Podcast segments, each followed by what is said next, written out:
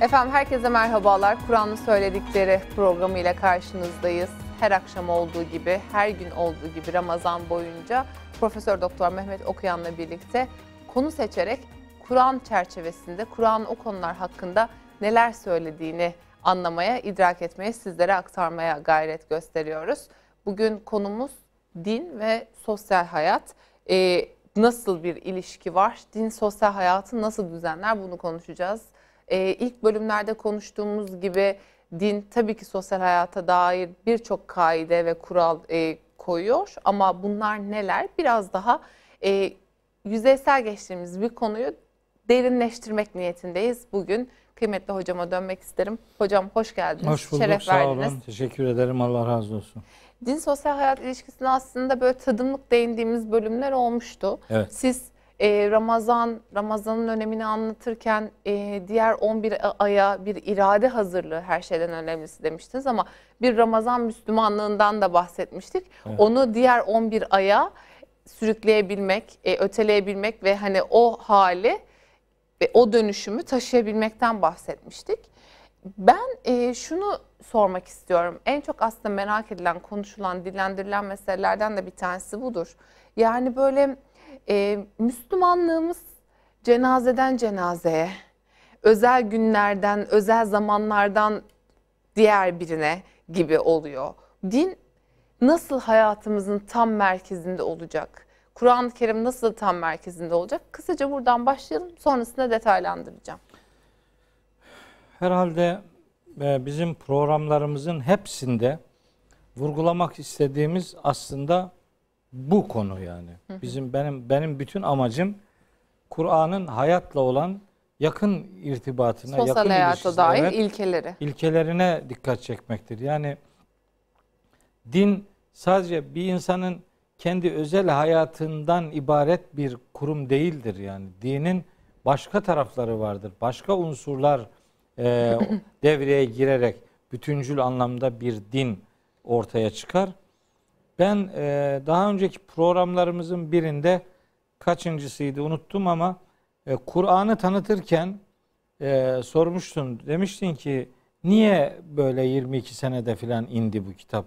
Yani bir anda indirilseydi ya böyle bir soru gündeme geliyordu. Ben de ona cevaben demiştim ki Kur'an-ı Kerim elbette bir anda da indirilebilirdi. Fakat amaç Kur'an metninin bir anda ortaya konulması değil, indirilen ayetlerin hayata okunması, yani hayata dokunması isteniyor. Kur'an-ı Kerim hayatı düzenleyen bir kitaptır. Hayatı zindan etsin diye değil. Hayatın sahibi olan Rabbimiz bu hayata dair nelere ihtiyaç duyulduğunu en iyi o bildiği için onun bildiği o gerçeklik üzerinden hayatın temel kodlarını bizlere bildiriyor. Din hayatı e, kuşatan bir e, kurumdur. Onun için biz din hayattır, hayat dindir deriz. Niye? Çünkü biz bu aleme Allah'a karşı, kendimize karşı, çevremize karşı bir takım sorumluluklarımız var, borçlarımız var. Bunları ödemek üzere biz bu hayatı yaşıyoruz. Biz kendi başınalık üzerine e, bu aleme getirilmiş varlıklar değiliz. Bizim başkalarına karşı, başkalarının bize karşı sorumlulukları vardır ve bu sorumlulukların yerine getirilmesinde de dinin hayatı dizayn eden bir takım prensipleri vardır.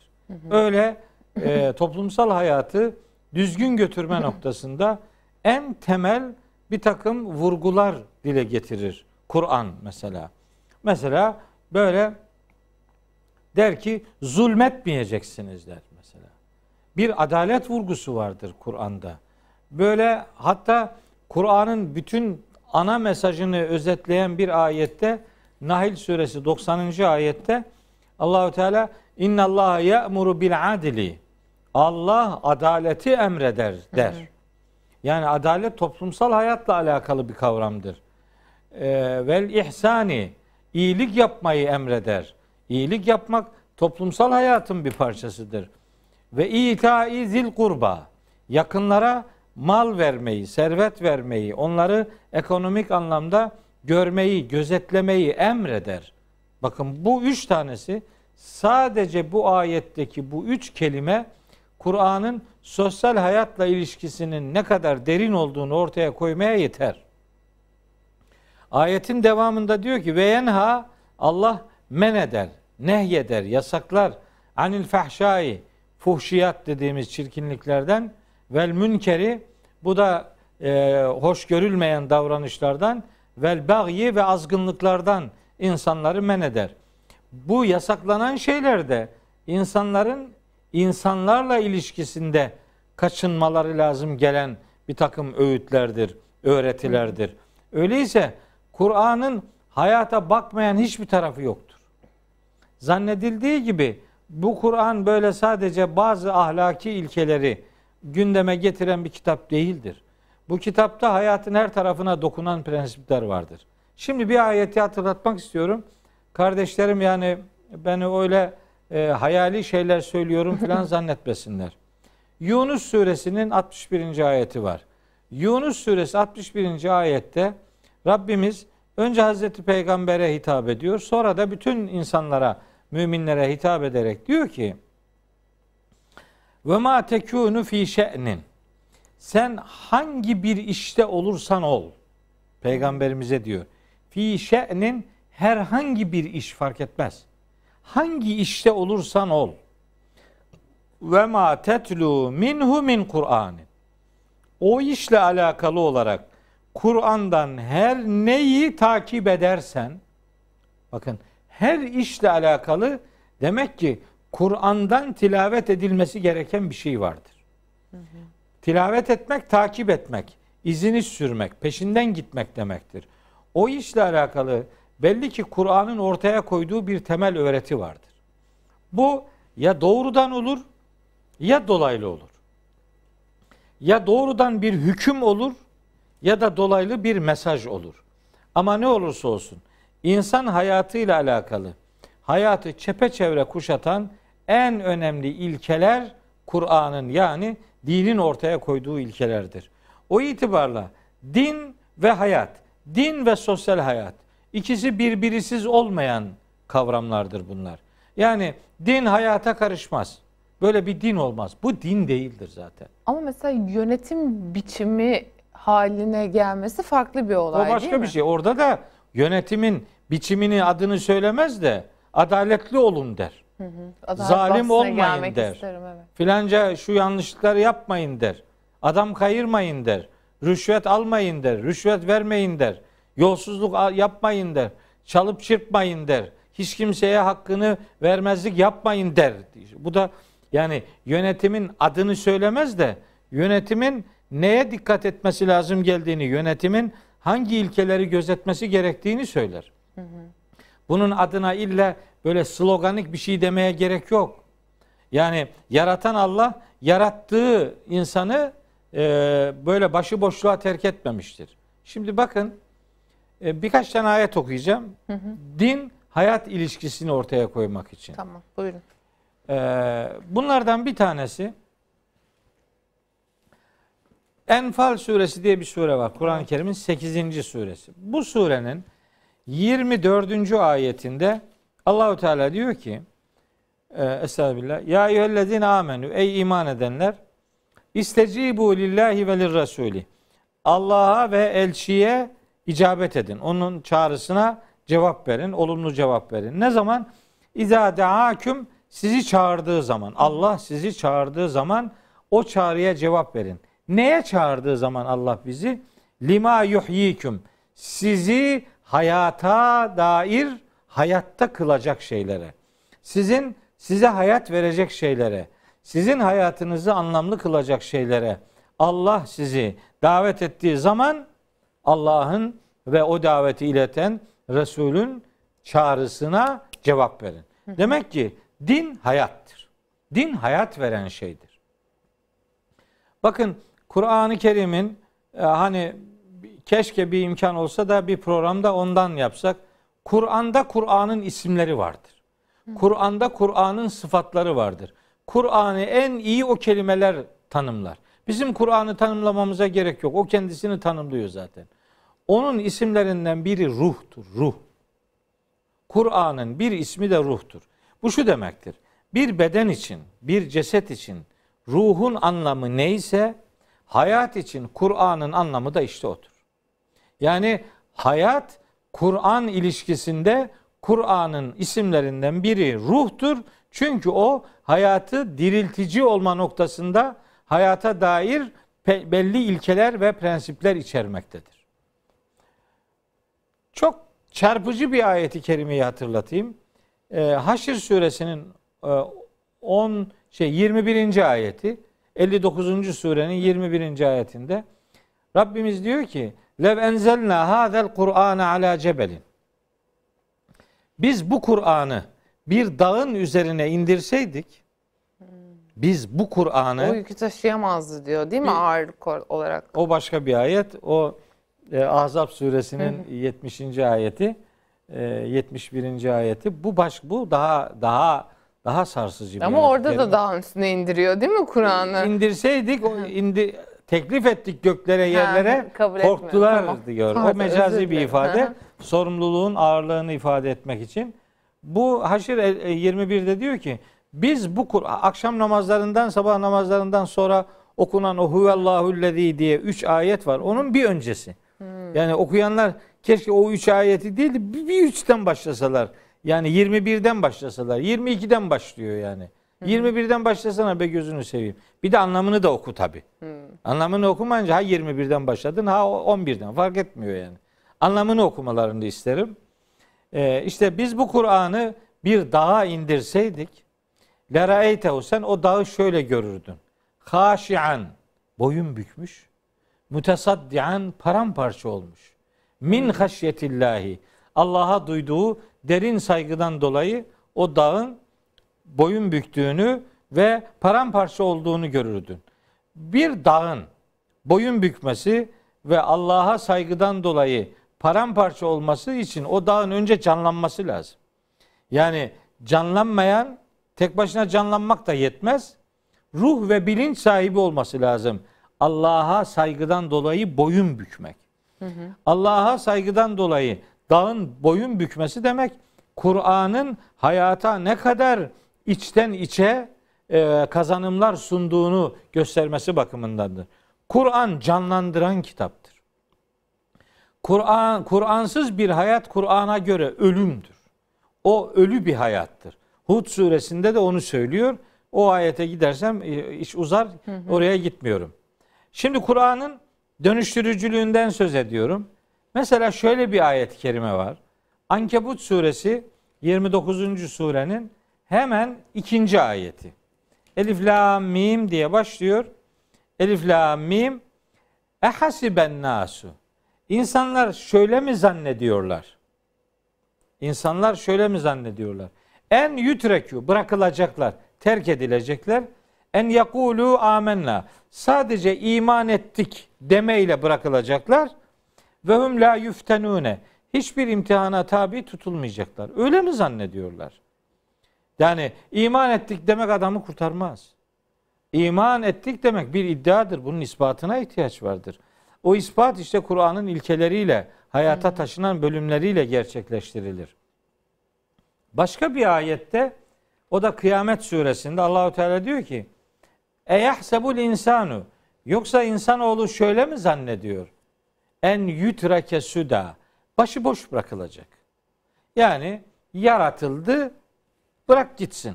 Bugünkü deistlere en güzel cevap budur. Bu ayetlerdir yani. Yani Allah insanı yarattı ve onun daha hiçbir şeyi karışmıyor. Yani halbuki mesela bir elektronik eşya düşünün. Onu satın aldığınız zaman eğer kullanımını hiç bilmiyorsanız ilk defa aldığınız bir e, elektronik eşya ise onun yanında bir tane kullanma kılavuzu olur. Hı hı. O kullanma kılavuzu hatta farklı dillerde de e, kaleme alınır. E, niye? Çünkü bilmiyorsun bu, tanımıyorsun bu cihazı. Bunun nasıl kurulacağını o kullanma kılavuzundan öğrenirsin. Kullanma kılavuzuna itibar etmezsen ya cihazı yakarsın ya da bozarsın. Veyahut da büyük bir cihazsa kendini de yakarsın yani. Allahü Teala insan cihazının kullanma kılavuzu olarak bu kitabı indirmiştir. Bu kitap hayatın kullanma kılavuzudur.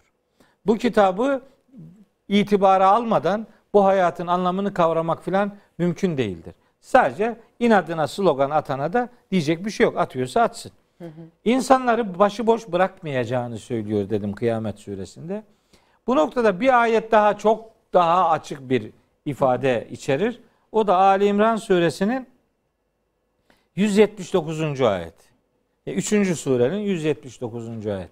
Orada diyor ki Rabbimiz Ma Allahu liyezeral müminine ala ma entum aleyhi hatta yemizel habise minet tayyibi.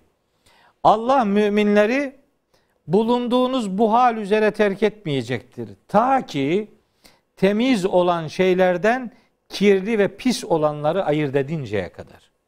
Ne İnsan hayatında yani inanç olarak kirlilikler vardır. Uygulama olarak kirlilikler vardır. Ahlaken kirlilikler vardır. İnançta, uygulamada ve ahlakta kötü, çirkin, kirli diye kabul edilen şeyler tertemiz olanlarla değiştirilinceye kadar Allah müminleri bulunduğu bu hal üzere terk etmeyecektir. Yani Allah hayata müdahale eder. Ve o e, toplumsal hayatta bütün fertleri içerdiği için bu iş. Başka bir ayette der ki Rahat suresi rahat gök gürültüsü demektir. Bu surenin 11. ayetinde de der ki İnna Allah la yugayyiru ma bi kavmin hatta yugayyiru ma bi enfusihim. Allah bir toplumu o toplumun fertleri kendilerini değiştirinceye kadar o toplumu değiştirmez. İşte toplumsal bir kural. Sosyolojik muhteşem bir kural. Bu değişim toplumsal anlamda bir değişim bekleniyorsa bunun önce başlayacak. fertlerden başlaması lazım. Herkesin kendine düşen görevi yerine getirmesi lazım. Böyle olur bu iş. Bu devinim böyle sağlanır. Kur'an'da zaten bunlara dayalı pek çok hüküm, pek çok prensip içerir. Şimdi burada rahmetli babama bir rahmet okumak ve onun Allah çok nefis bir hocam. sözünü kardeşlerimle paylaşmak istiyorum. Ee, rahmetli babam benim aynı zamanda hocamdır. Ee, bana Kur'an'ı öğreten babamdır. Bana hafızlık yaptıran odur. Bana Arapça öğreten odur. Beni ilahiyat eğitimine kanalize eden odur. Yani ben bu yolculuğumu babama borçluyum. O derdi ki çok e, muhteşem bir alimdi benim babam. Derdi ki Kur'an'la ilgili çok rahatsız olurdu. Kur'an'ı hayata karıştırmamayla ilgili. Bu hayata karıştırmamak yani ateist çevrelerle ilgili onlara bir reddiye olsun diye değil. Veya deistlerle ilgili değil. Müslüman olduğunu iddia eden adamın Kur'an'ı hayatına karıştırmamasıyla ilgili çok rahatsız olurdu. Derdi ki yani ne zannediyorsunuz? Kur'an senin işine karışmayacak. Eşine karışmayacak. Aşına karışmayacak. Naaşına mı karışacak sadece? Yani Kur'an senin işinle, ekonominle ilgili olmayacak. Çarşı pazarla, kazanımlarla ilgili olmayacak. Ne biliyorsan yap mı diyecek. Evet. Eşine karışmayacak. Cenazeye. Efendim aşına kazancına karışmayacak. E neye karışacak? Bu ümmetin aklına Kur'an ne zaman geliyor? Cenazede. Cenazede kardeşim özel ya. gecelerde. Nadiren Hadi özel gecelerde. Ramazan'da. Diyelim. Diyelim. Bu mu? Bunun için mi 6236 ayet geldi? Yani Kur'an'da bu kitap sadece Ramazanlık bir kitaptır diye bir buyruk yok. Bu kitap Ramazan'da indirilmeye başlandı o kadar. Bu kitap insanın ölümden sonrasında rahat, huzurlu olması için onun hayatını düzenleyen kitaptır. Eşine, işine, aşına karıştırmadığın kitabın naaşınla çok da bir ilişkisi olmaz. Ama insanlar böyle bir acayip bir şartlanmışlık içerisinde. Üstelik Kur'an'da bu konuda buyruklar pek çok konuda yani sosyal hayatla ilgili pek çok konuda buyruklar olmasına rağmen insanlar onlara yanaşmıyorlar. Neden yanaşmıyorlar? Çünkü onlara Kur'an'ın ne dediğini bilmiyorlar. Çünkü Kur'an'ın onlara ne dediğini merak etmiyorlar. Çünkü onlar inandığı gibi yaşamayı becermediği için yaşadığı yanlışlara inanmaya başladılar. İnsan inandığı doğruları yaşamanın çabası içerisine girer. Biz inandığımız gibi yaşamıyoruz, yaşadığımız gibi inanmaya başlıyoruz. Oysa biz Kur'an'a uymakla yükümlüydük. Yani Kur'an bizi değiştirecek, dönüştürecek idi. Onun var ediliş amacı odur. Kur'an bizi değiştirsin, dönüştürsün diye indirilmiş. Ama biz Kur'an'ın hükümlerini değiştirmeye başladık. Bizi değiştirsin diye indiren kitabın, indirilen kitabın içeriğini biz değiştirmeye gayret Kendimize ediyoruz. uyduruyoruz Evet. biraz yorumlar. Uymadığınız kitabı kendinize uydurmaya çalışıyorsunuz. Biraz Bu ön- yakışmıyor. Biraz önce şey dediniz, e, adalete muazzam bir önem veriyor diye. Evet. Adalet bahsine de girelim mi biraz? Evet. Kur'an adaletle ilgili neler söylüyor? Değil mi? Sosyal hayat denince en önce konuşma konuşulması gereken ilk aslında iki tane konu vardır yani. Ya to- toplumsal hayat onlarsız yürümez. Ne kadar zengin olursanız olun. Ne kadar müreffeh olduğunuzu sanırsanız sanın. Yaşadığınız ortamda zulüm varsa ve adalet yoksa orada huzur olmaz. Niye? Çünkü sizin huzur zannettiğiniz başkasının gözyaşı üzerine eee, inşa edilmiştir.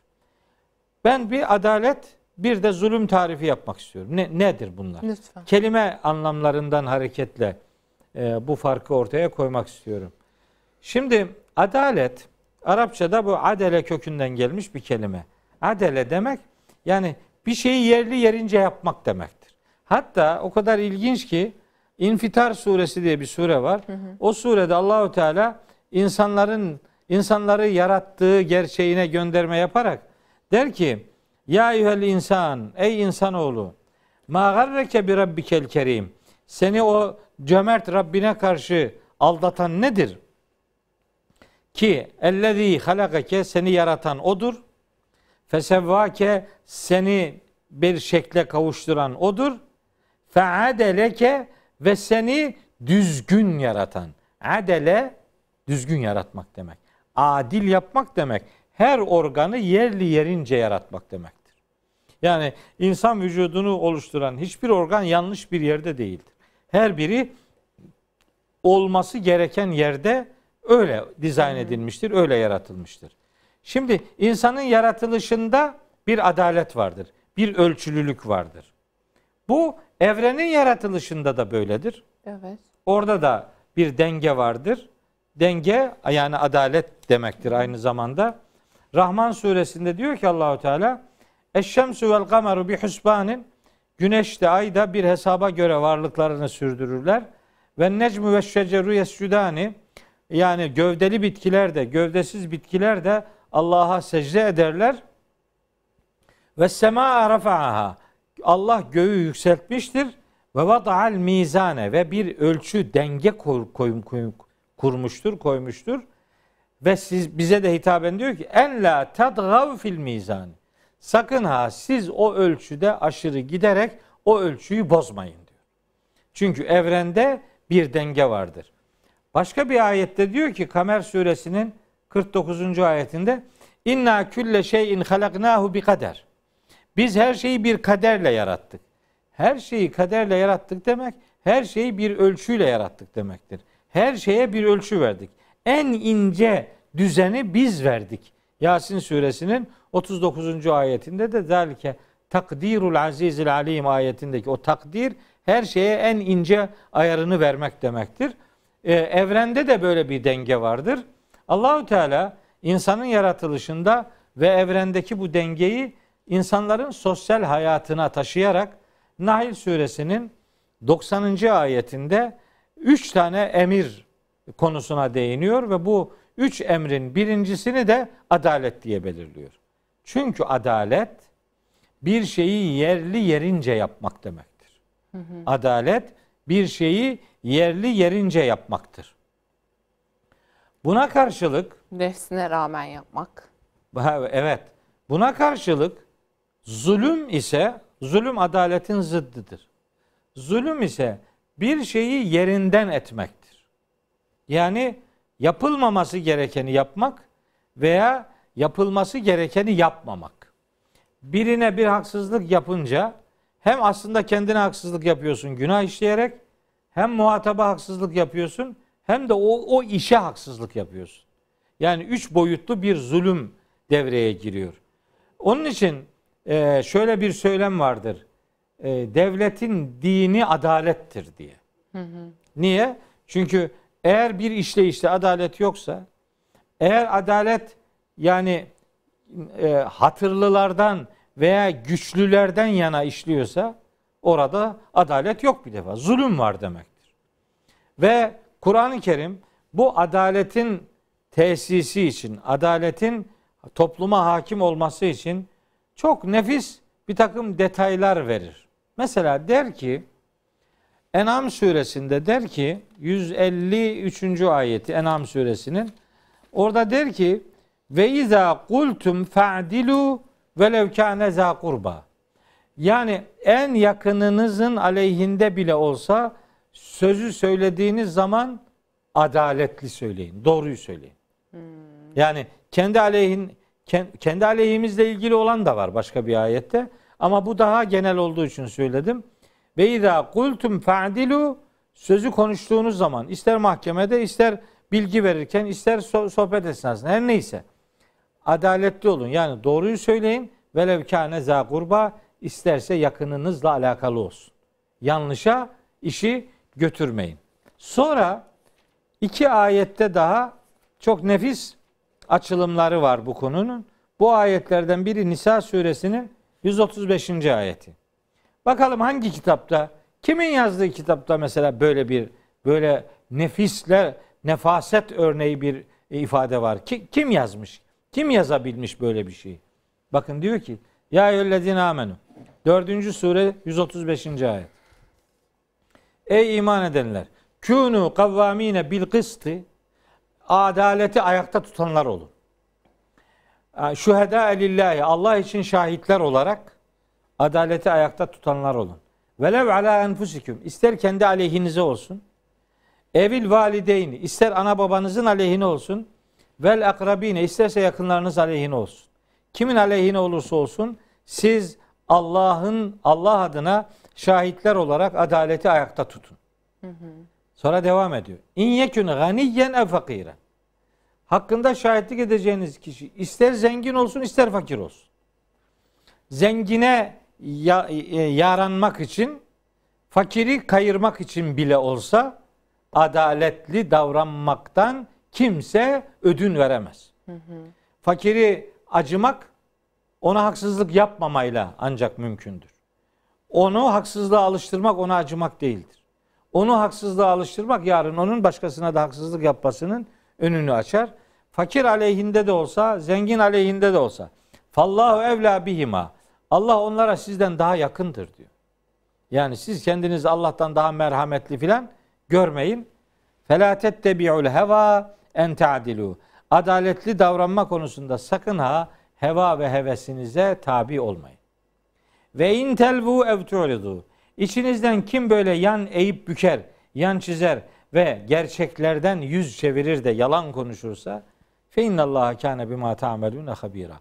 Allah sizin yapıp ettiğiniz her şeyden haberdardır. Allah sizin yapıp ettiğiniz her şeyden haberdardır demek bunun hesabını size mutlaka soracaktır demek. Hem bu dünyada hem ahirette. Tabi. Zaten zulmün şeyi burada çıkar yani. Zalim burada zulmettiyse onun hesabı ahirete kalmadan o burada görülür bir çeşit. Bir kısmı anlar bir kısmı anlamaz ama asıl faturayı öbür alemde ödeyeceğini de unutmasın. Şimdi bir ayet daha okumak istiyorum. Bu adaletle ilgili çok önemli bir ayet daha. O da Maide suresinin 8. ayeti. Diyor ki ayette bunlar sosyal hayatla alakalı ayetler yani. Bu bu yoksa sosyal hayat yok yani. Adalet yoksa bitti. Ne kadar milli geliri ne olursa olsun hiç önemli değil yani. Ne kadar petrol üretiyor olursa olsun hiç dert değil. Toplumda adalet yoksa orada huzur yoktur demektir. O toplumun yarını yoktur demektir. Çünkü mazlumun ahı zalimi devirir kardeşim. Bir yerde mazlum varsa orada bir zalim vardır demektir. Ve Kur'an-ı Kerim daima mazlumun yanında olmayı ister. Bir tane ayet var. Ayet miydi o hocam? Eee mazlumun zalimden intikam alacağı gün zalimin zulmettiği günden daha haşin olacak mı? Daha şeyli ayet miydi Öyle o? Ayet, ayet değil, o bir rivayet olabilir veya bir kanaat olabilir. Mazlumun e, duasından aman korunun diye e, hadisler var.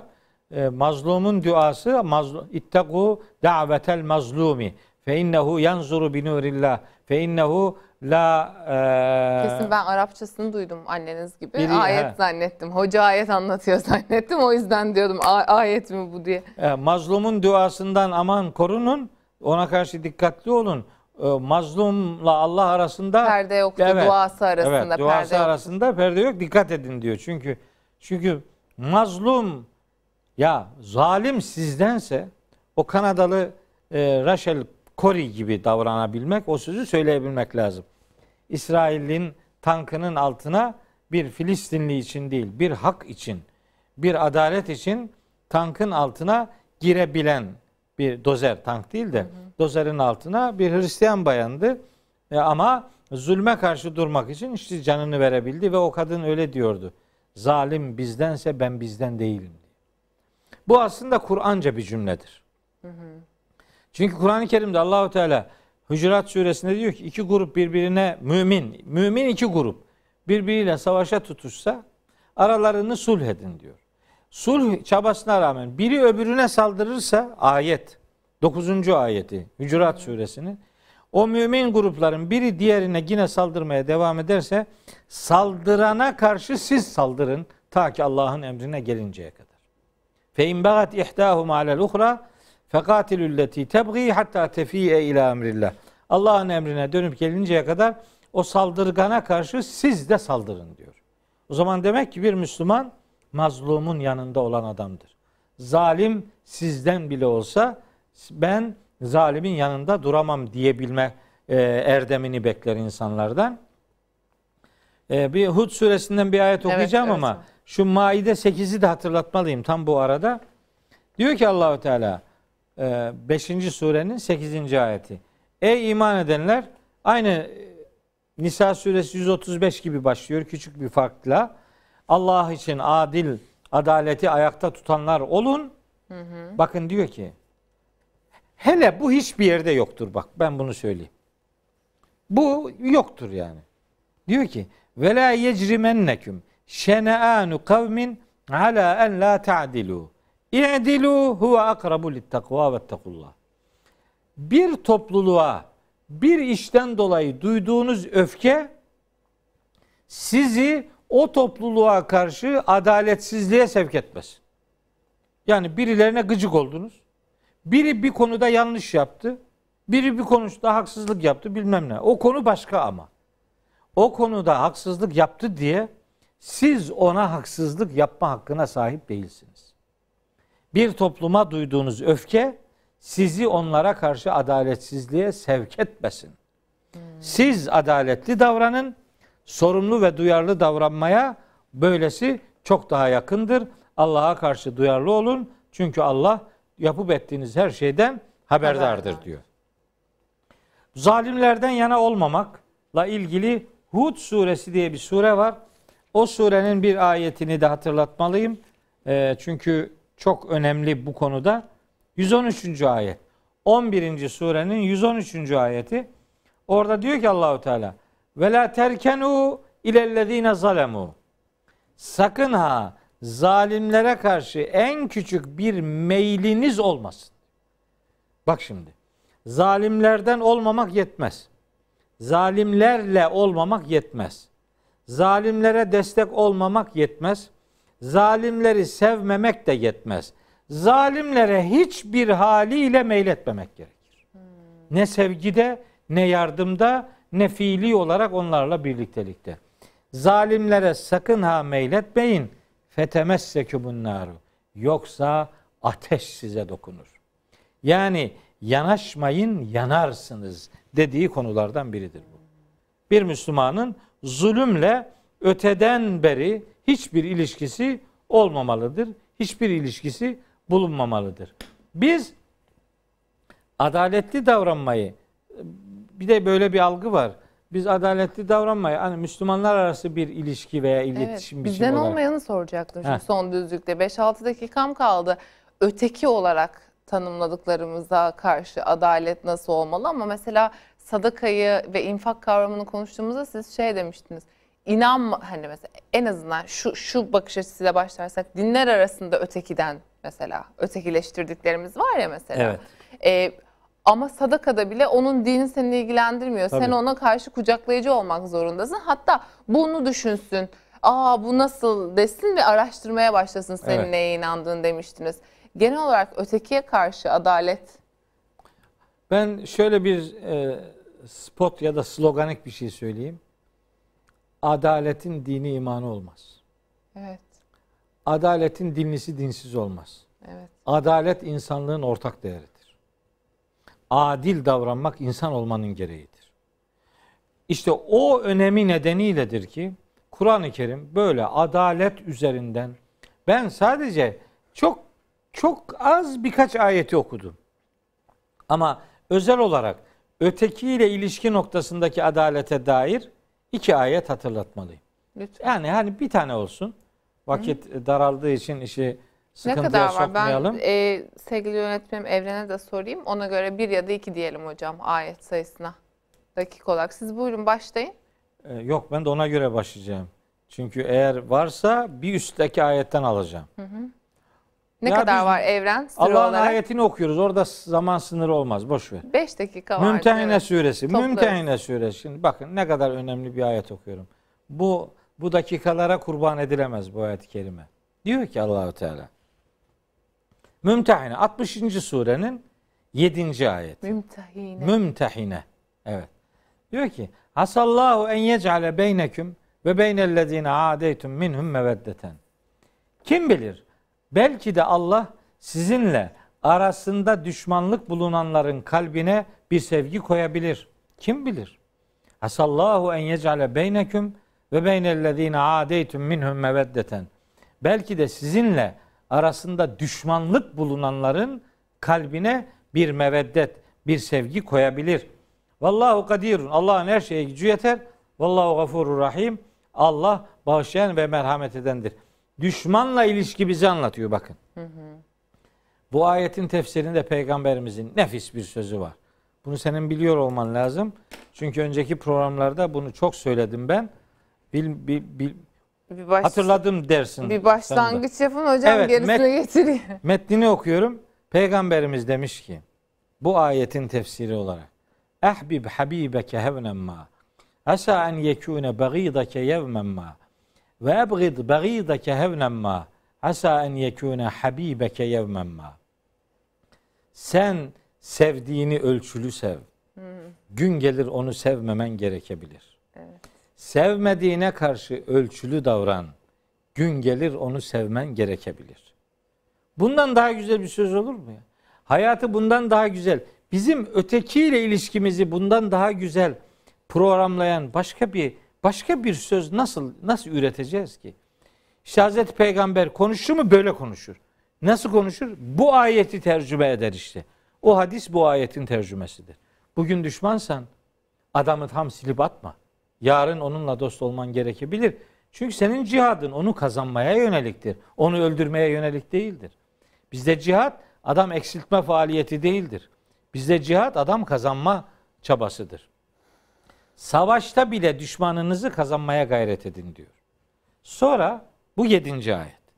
Sekizinci ayette diyor ki La enhakumullahu. Allah e, yasaklamıyor. Anillezine şu kimselerle ilgili olarak. Kimle ilgili? Lem yukatilüküm fid. Din konusunda sizinle savaşmamış. Ve lem yuhricüküm min diyariküm. Sizi yerinizden yurdunuzdan çıkarmamış. Sizinle din konusunda savaşmamış. Sizi yerinizden yurdunuzdan çıkarmamış. insanlarla ilgili olarak Allah sizi men etmiyor. Neden? En teberruhum. Onlara iyilik yapmaktan. Onlara iyilik yapabilirsiniz. Başka ve tuksitu ileyhim. Onlara adaletli davranmaktan Allah sizi men etmiyor. Hazreti Peygamber Medine'deyken e, inanmayanlara öyle zaten hep öyle davranıyordu inanmayanlara tabii, zaten. Tabii. so- Mekke'yi- sorarken cevabı da vermiş. Mekke'yi fethedince Sadece de öyle oldu. de değil, Mekke'yi fethedince de öyle oldu. Kimseye zarar vermedi yani. Onlara iyilik yapmanızı ve adaletli davranmanızı yasaklamıyor. Aksine inna Allah yuhibbul muksitin. Allah adaletli davrananları sever diyor. Kimden bahsediyor? Müslüman olmamış insanlardan. Sizinle savaşmamış, sizi yerinizden, yurdunuzdan çıkarmamış. Durduğu yerde duruyor adam. Duruyorsa duruyor. Sen ona iyilik yap, sen ona adaletli davran. Senin bu iyilik ve adaletli davranışın onun kendi durumunu sorgulamasına yol açsın, vesile olsun diyelim. Din ve sosyal hayat ilişkisine Böylece. Bir giriş yapmış olalım. Giriş evet zaten program boyunca konuştuğumuz başlıkların hepsine bir giriş yapmış oluyoruz. Gerçekten hepsi derinliği çok fazla olan konular. Hocam çok teşekkürler. Ben teşekkür Ağzınıza ederim. sağlık. Efendim Sağ sizlere de çok teşekkür ederiz. Yarın e, bir başka bölümde tekrar görüşünceye dek şimdilik hoşçakalın.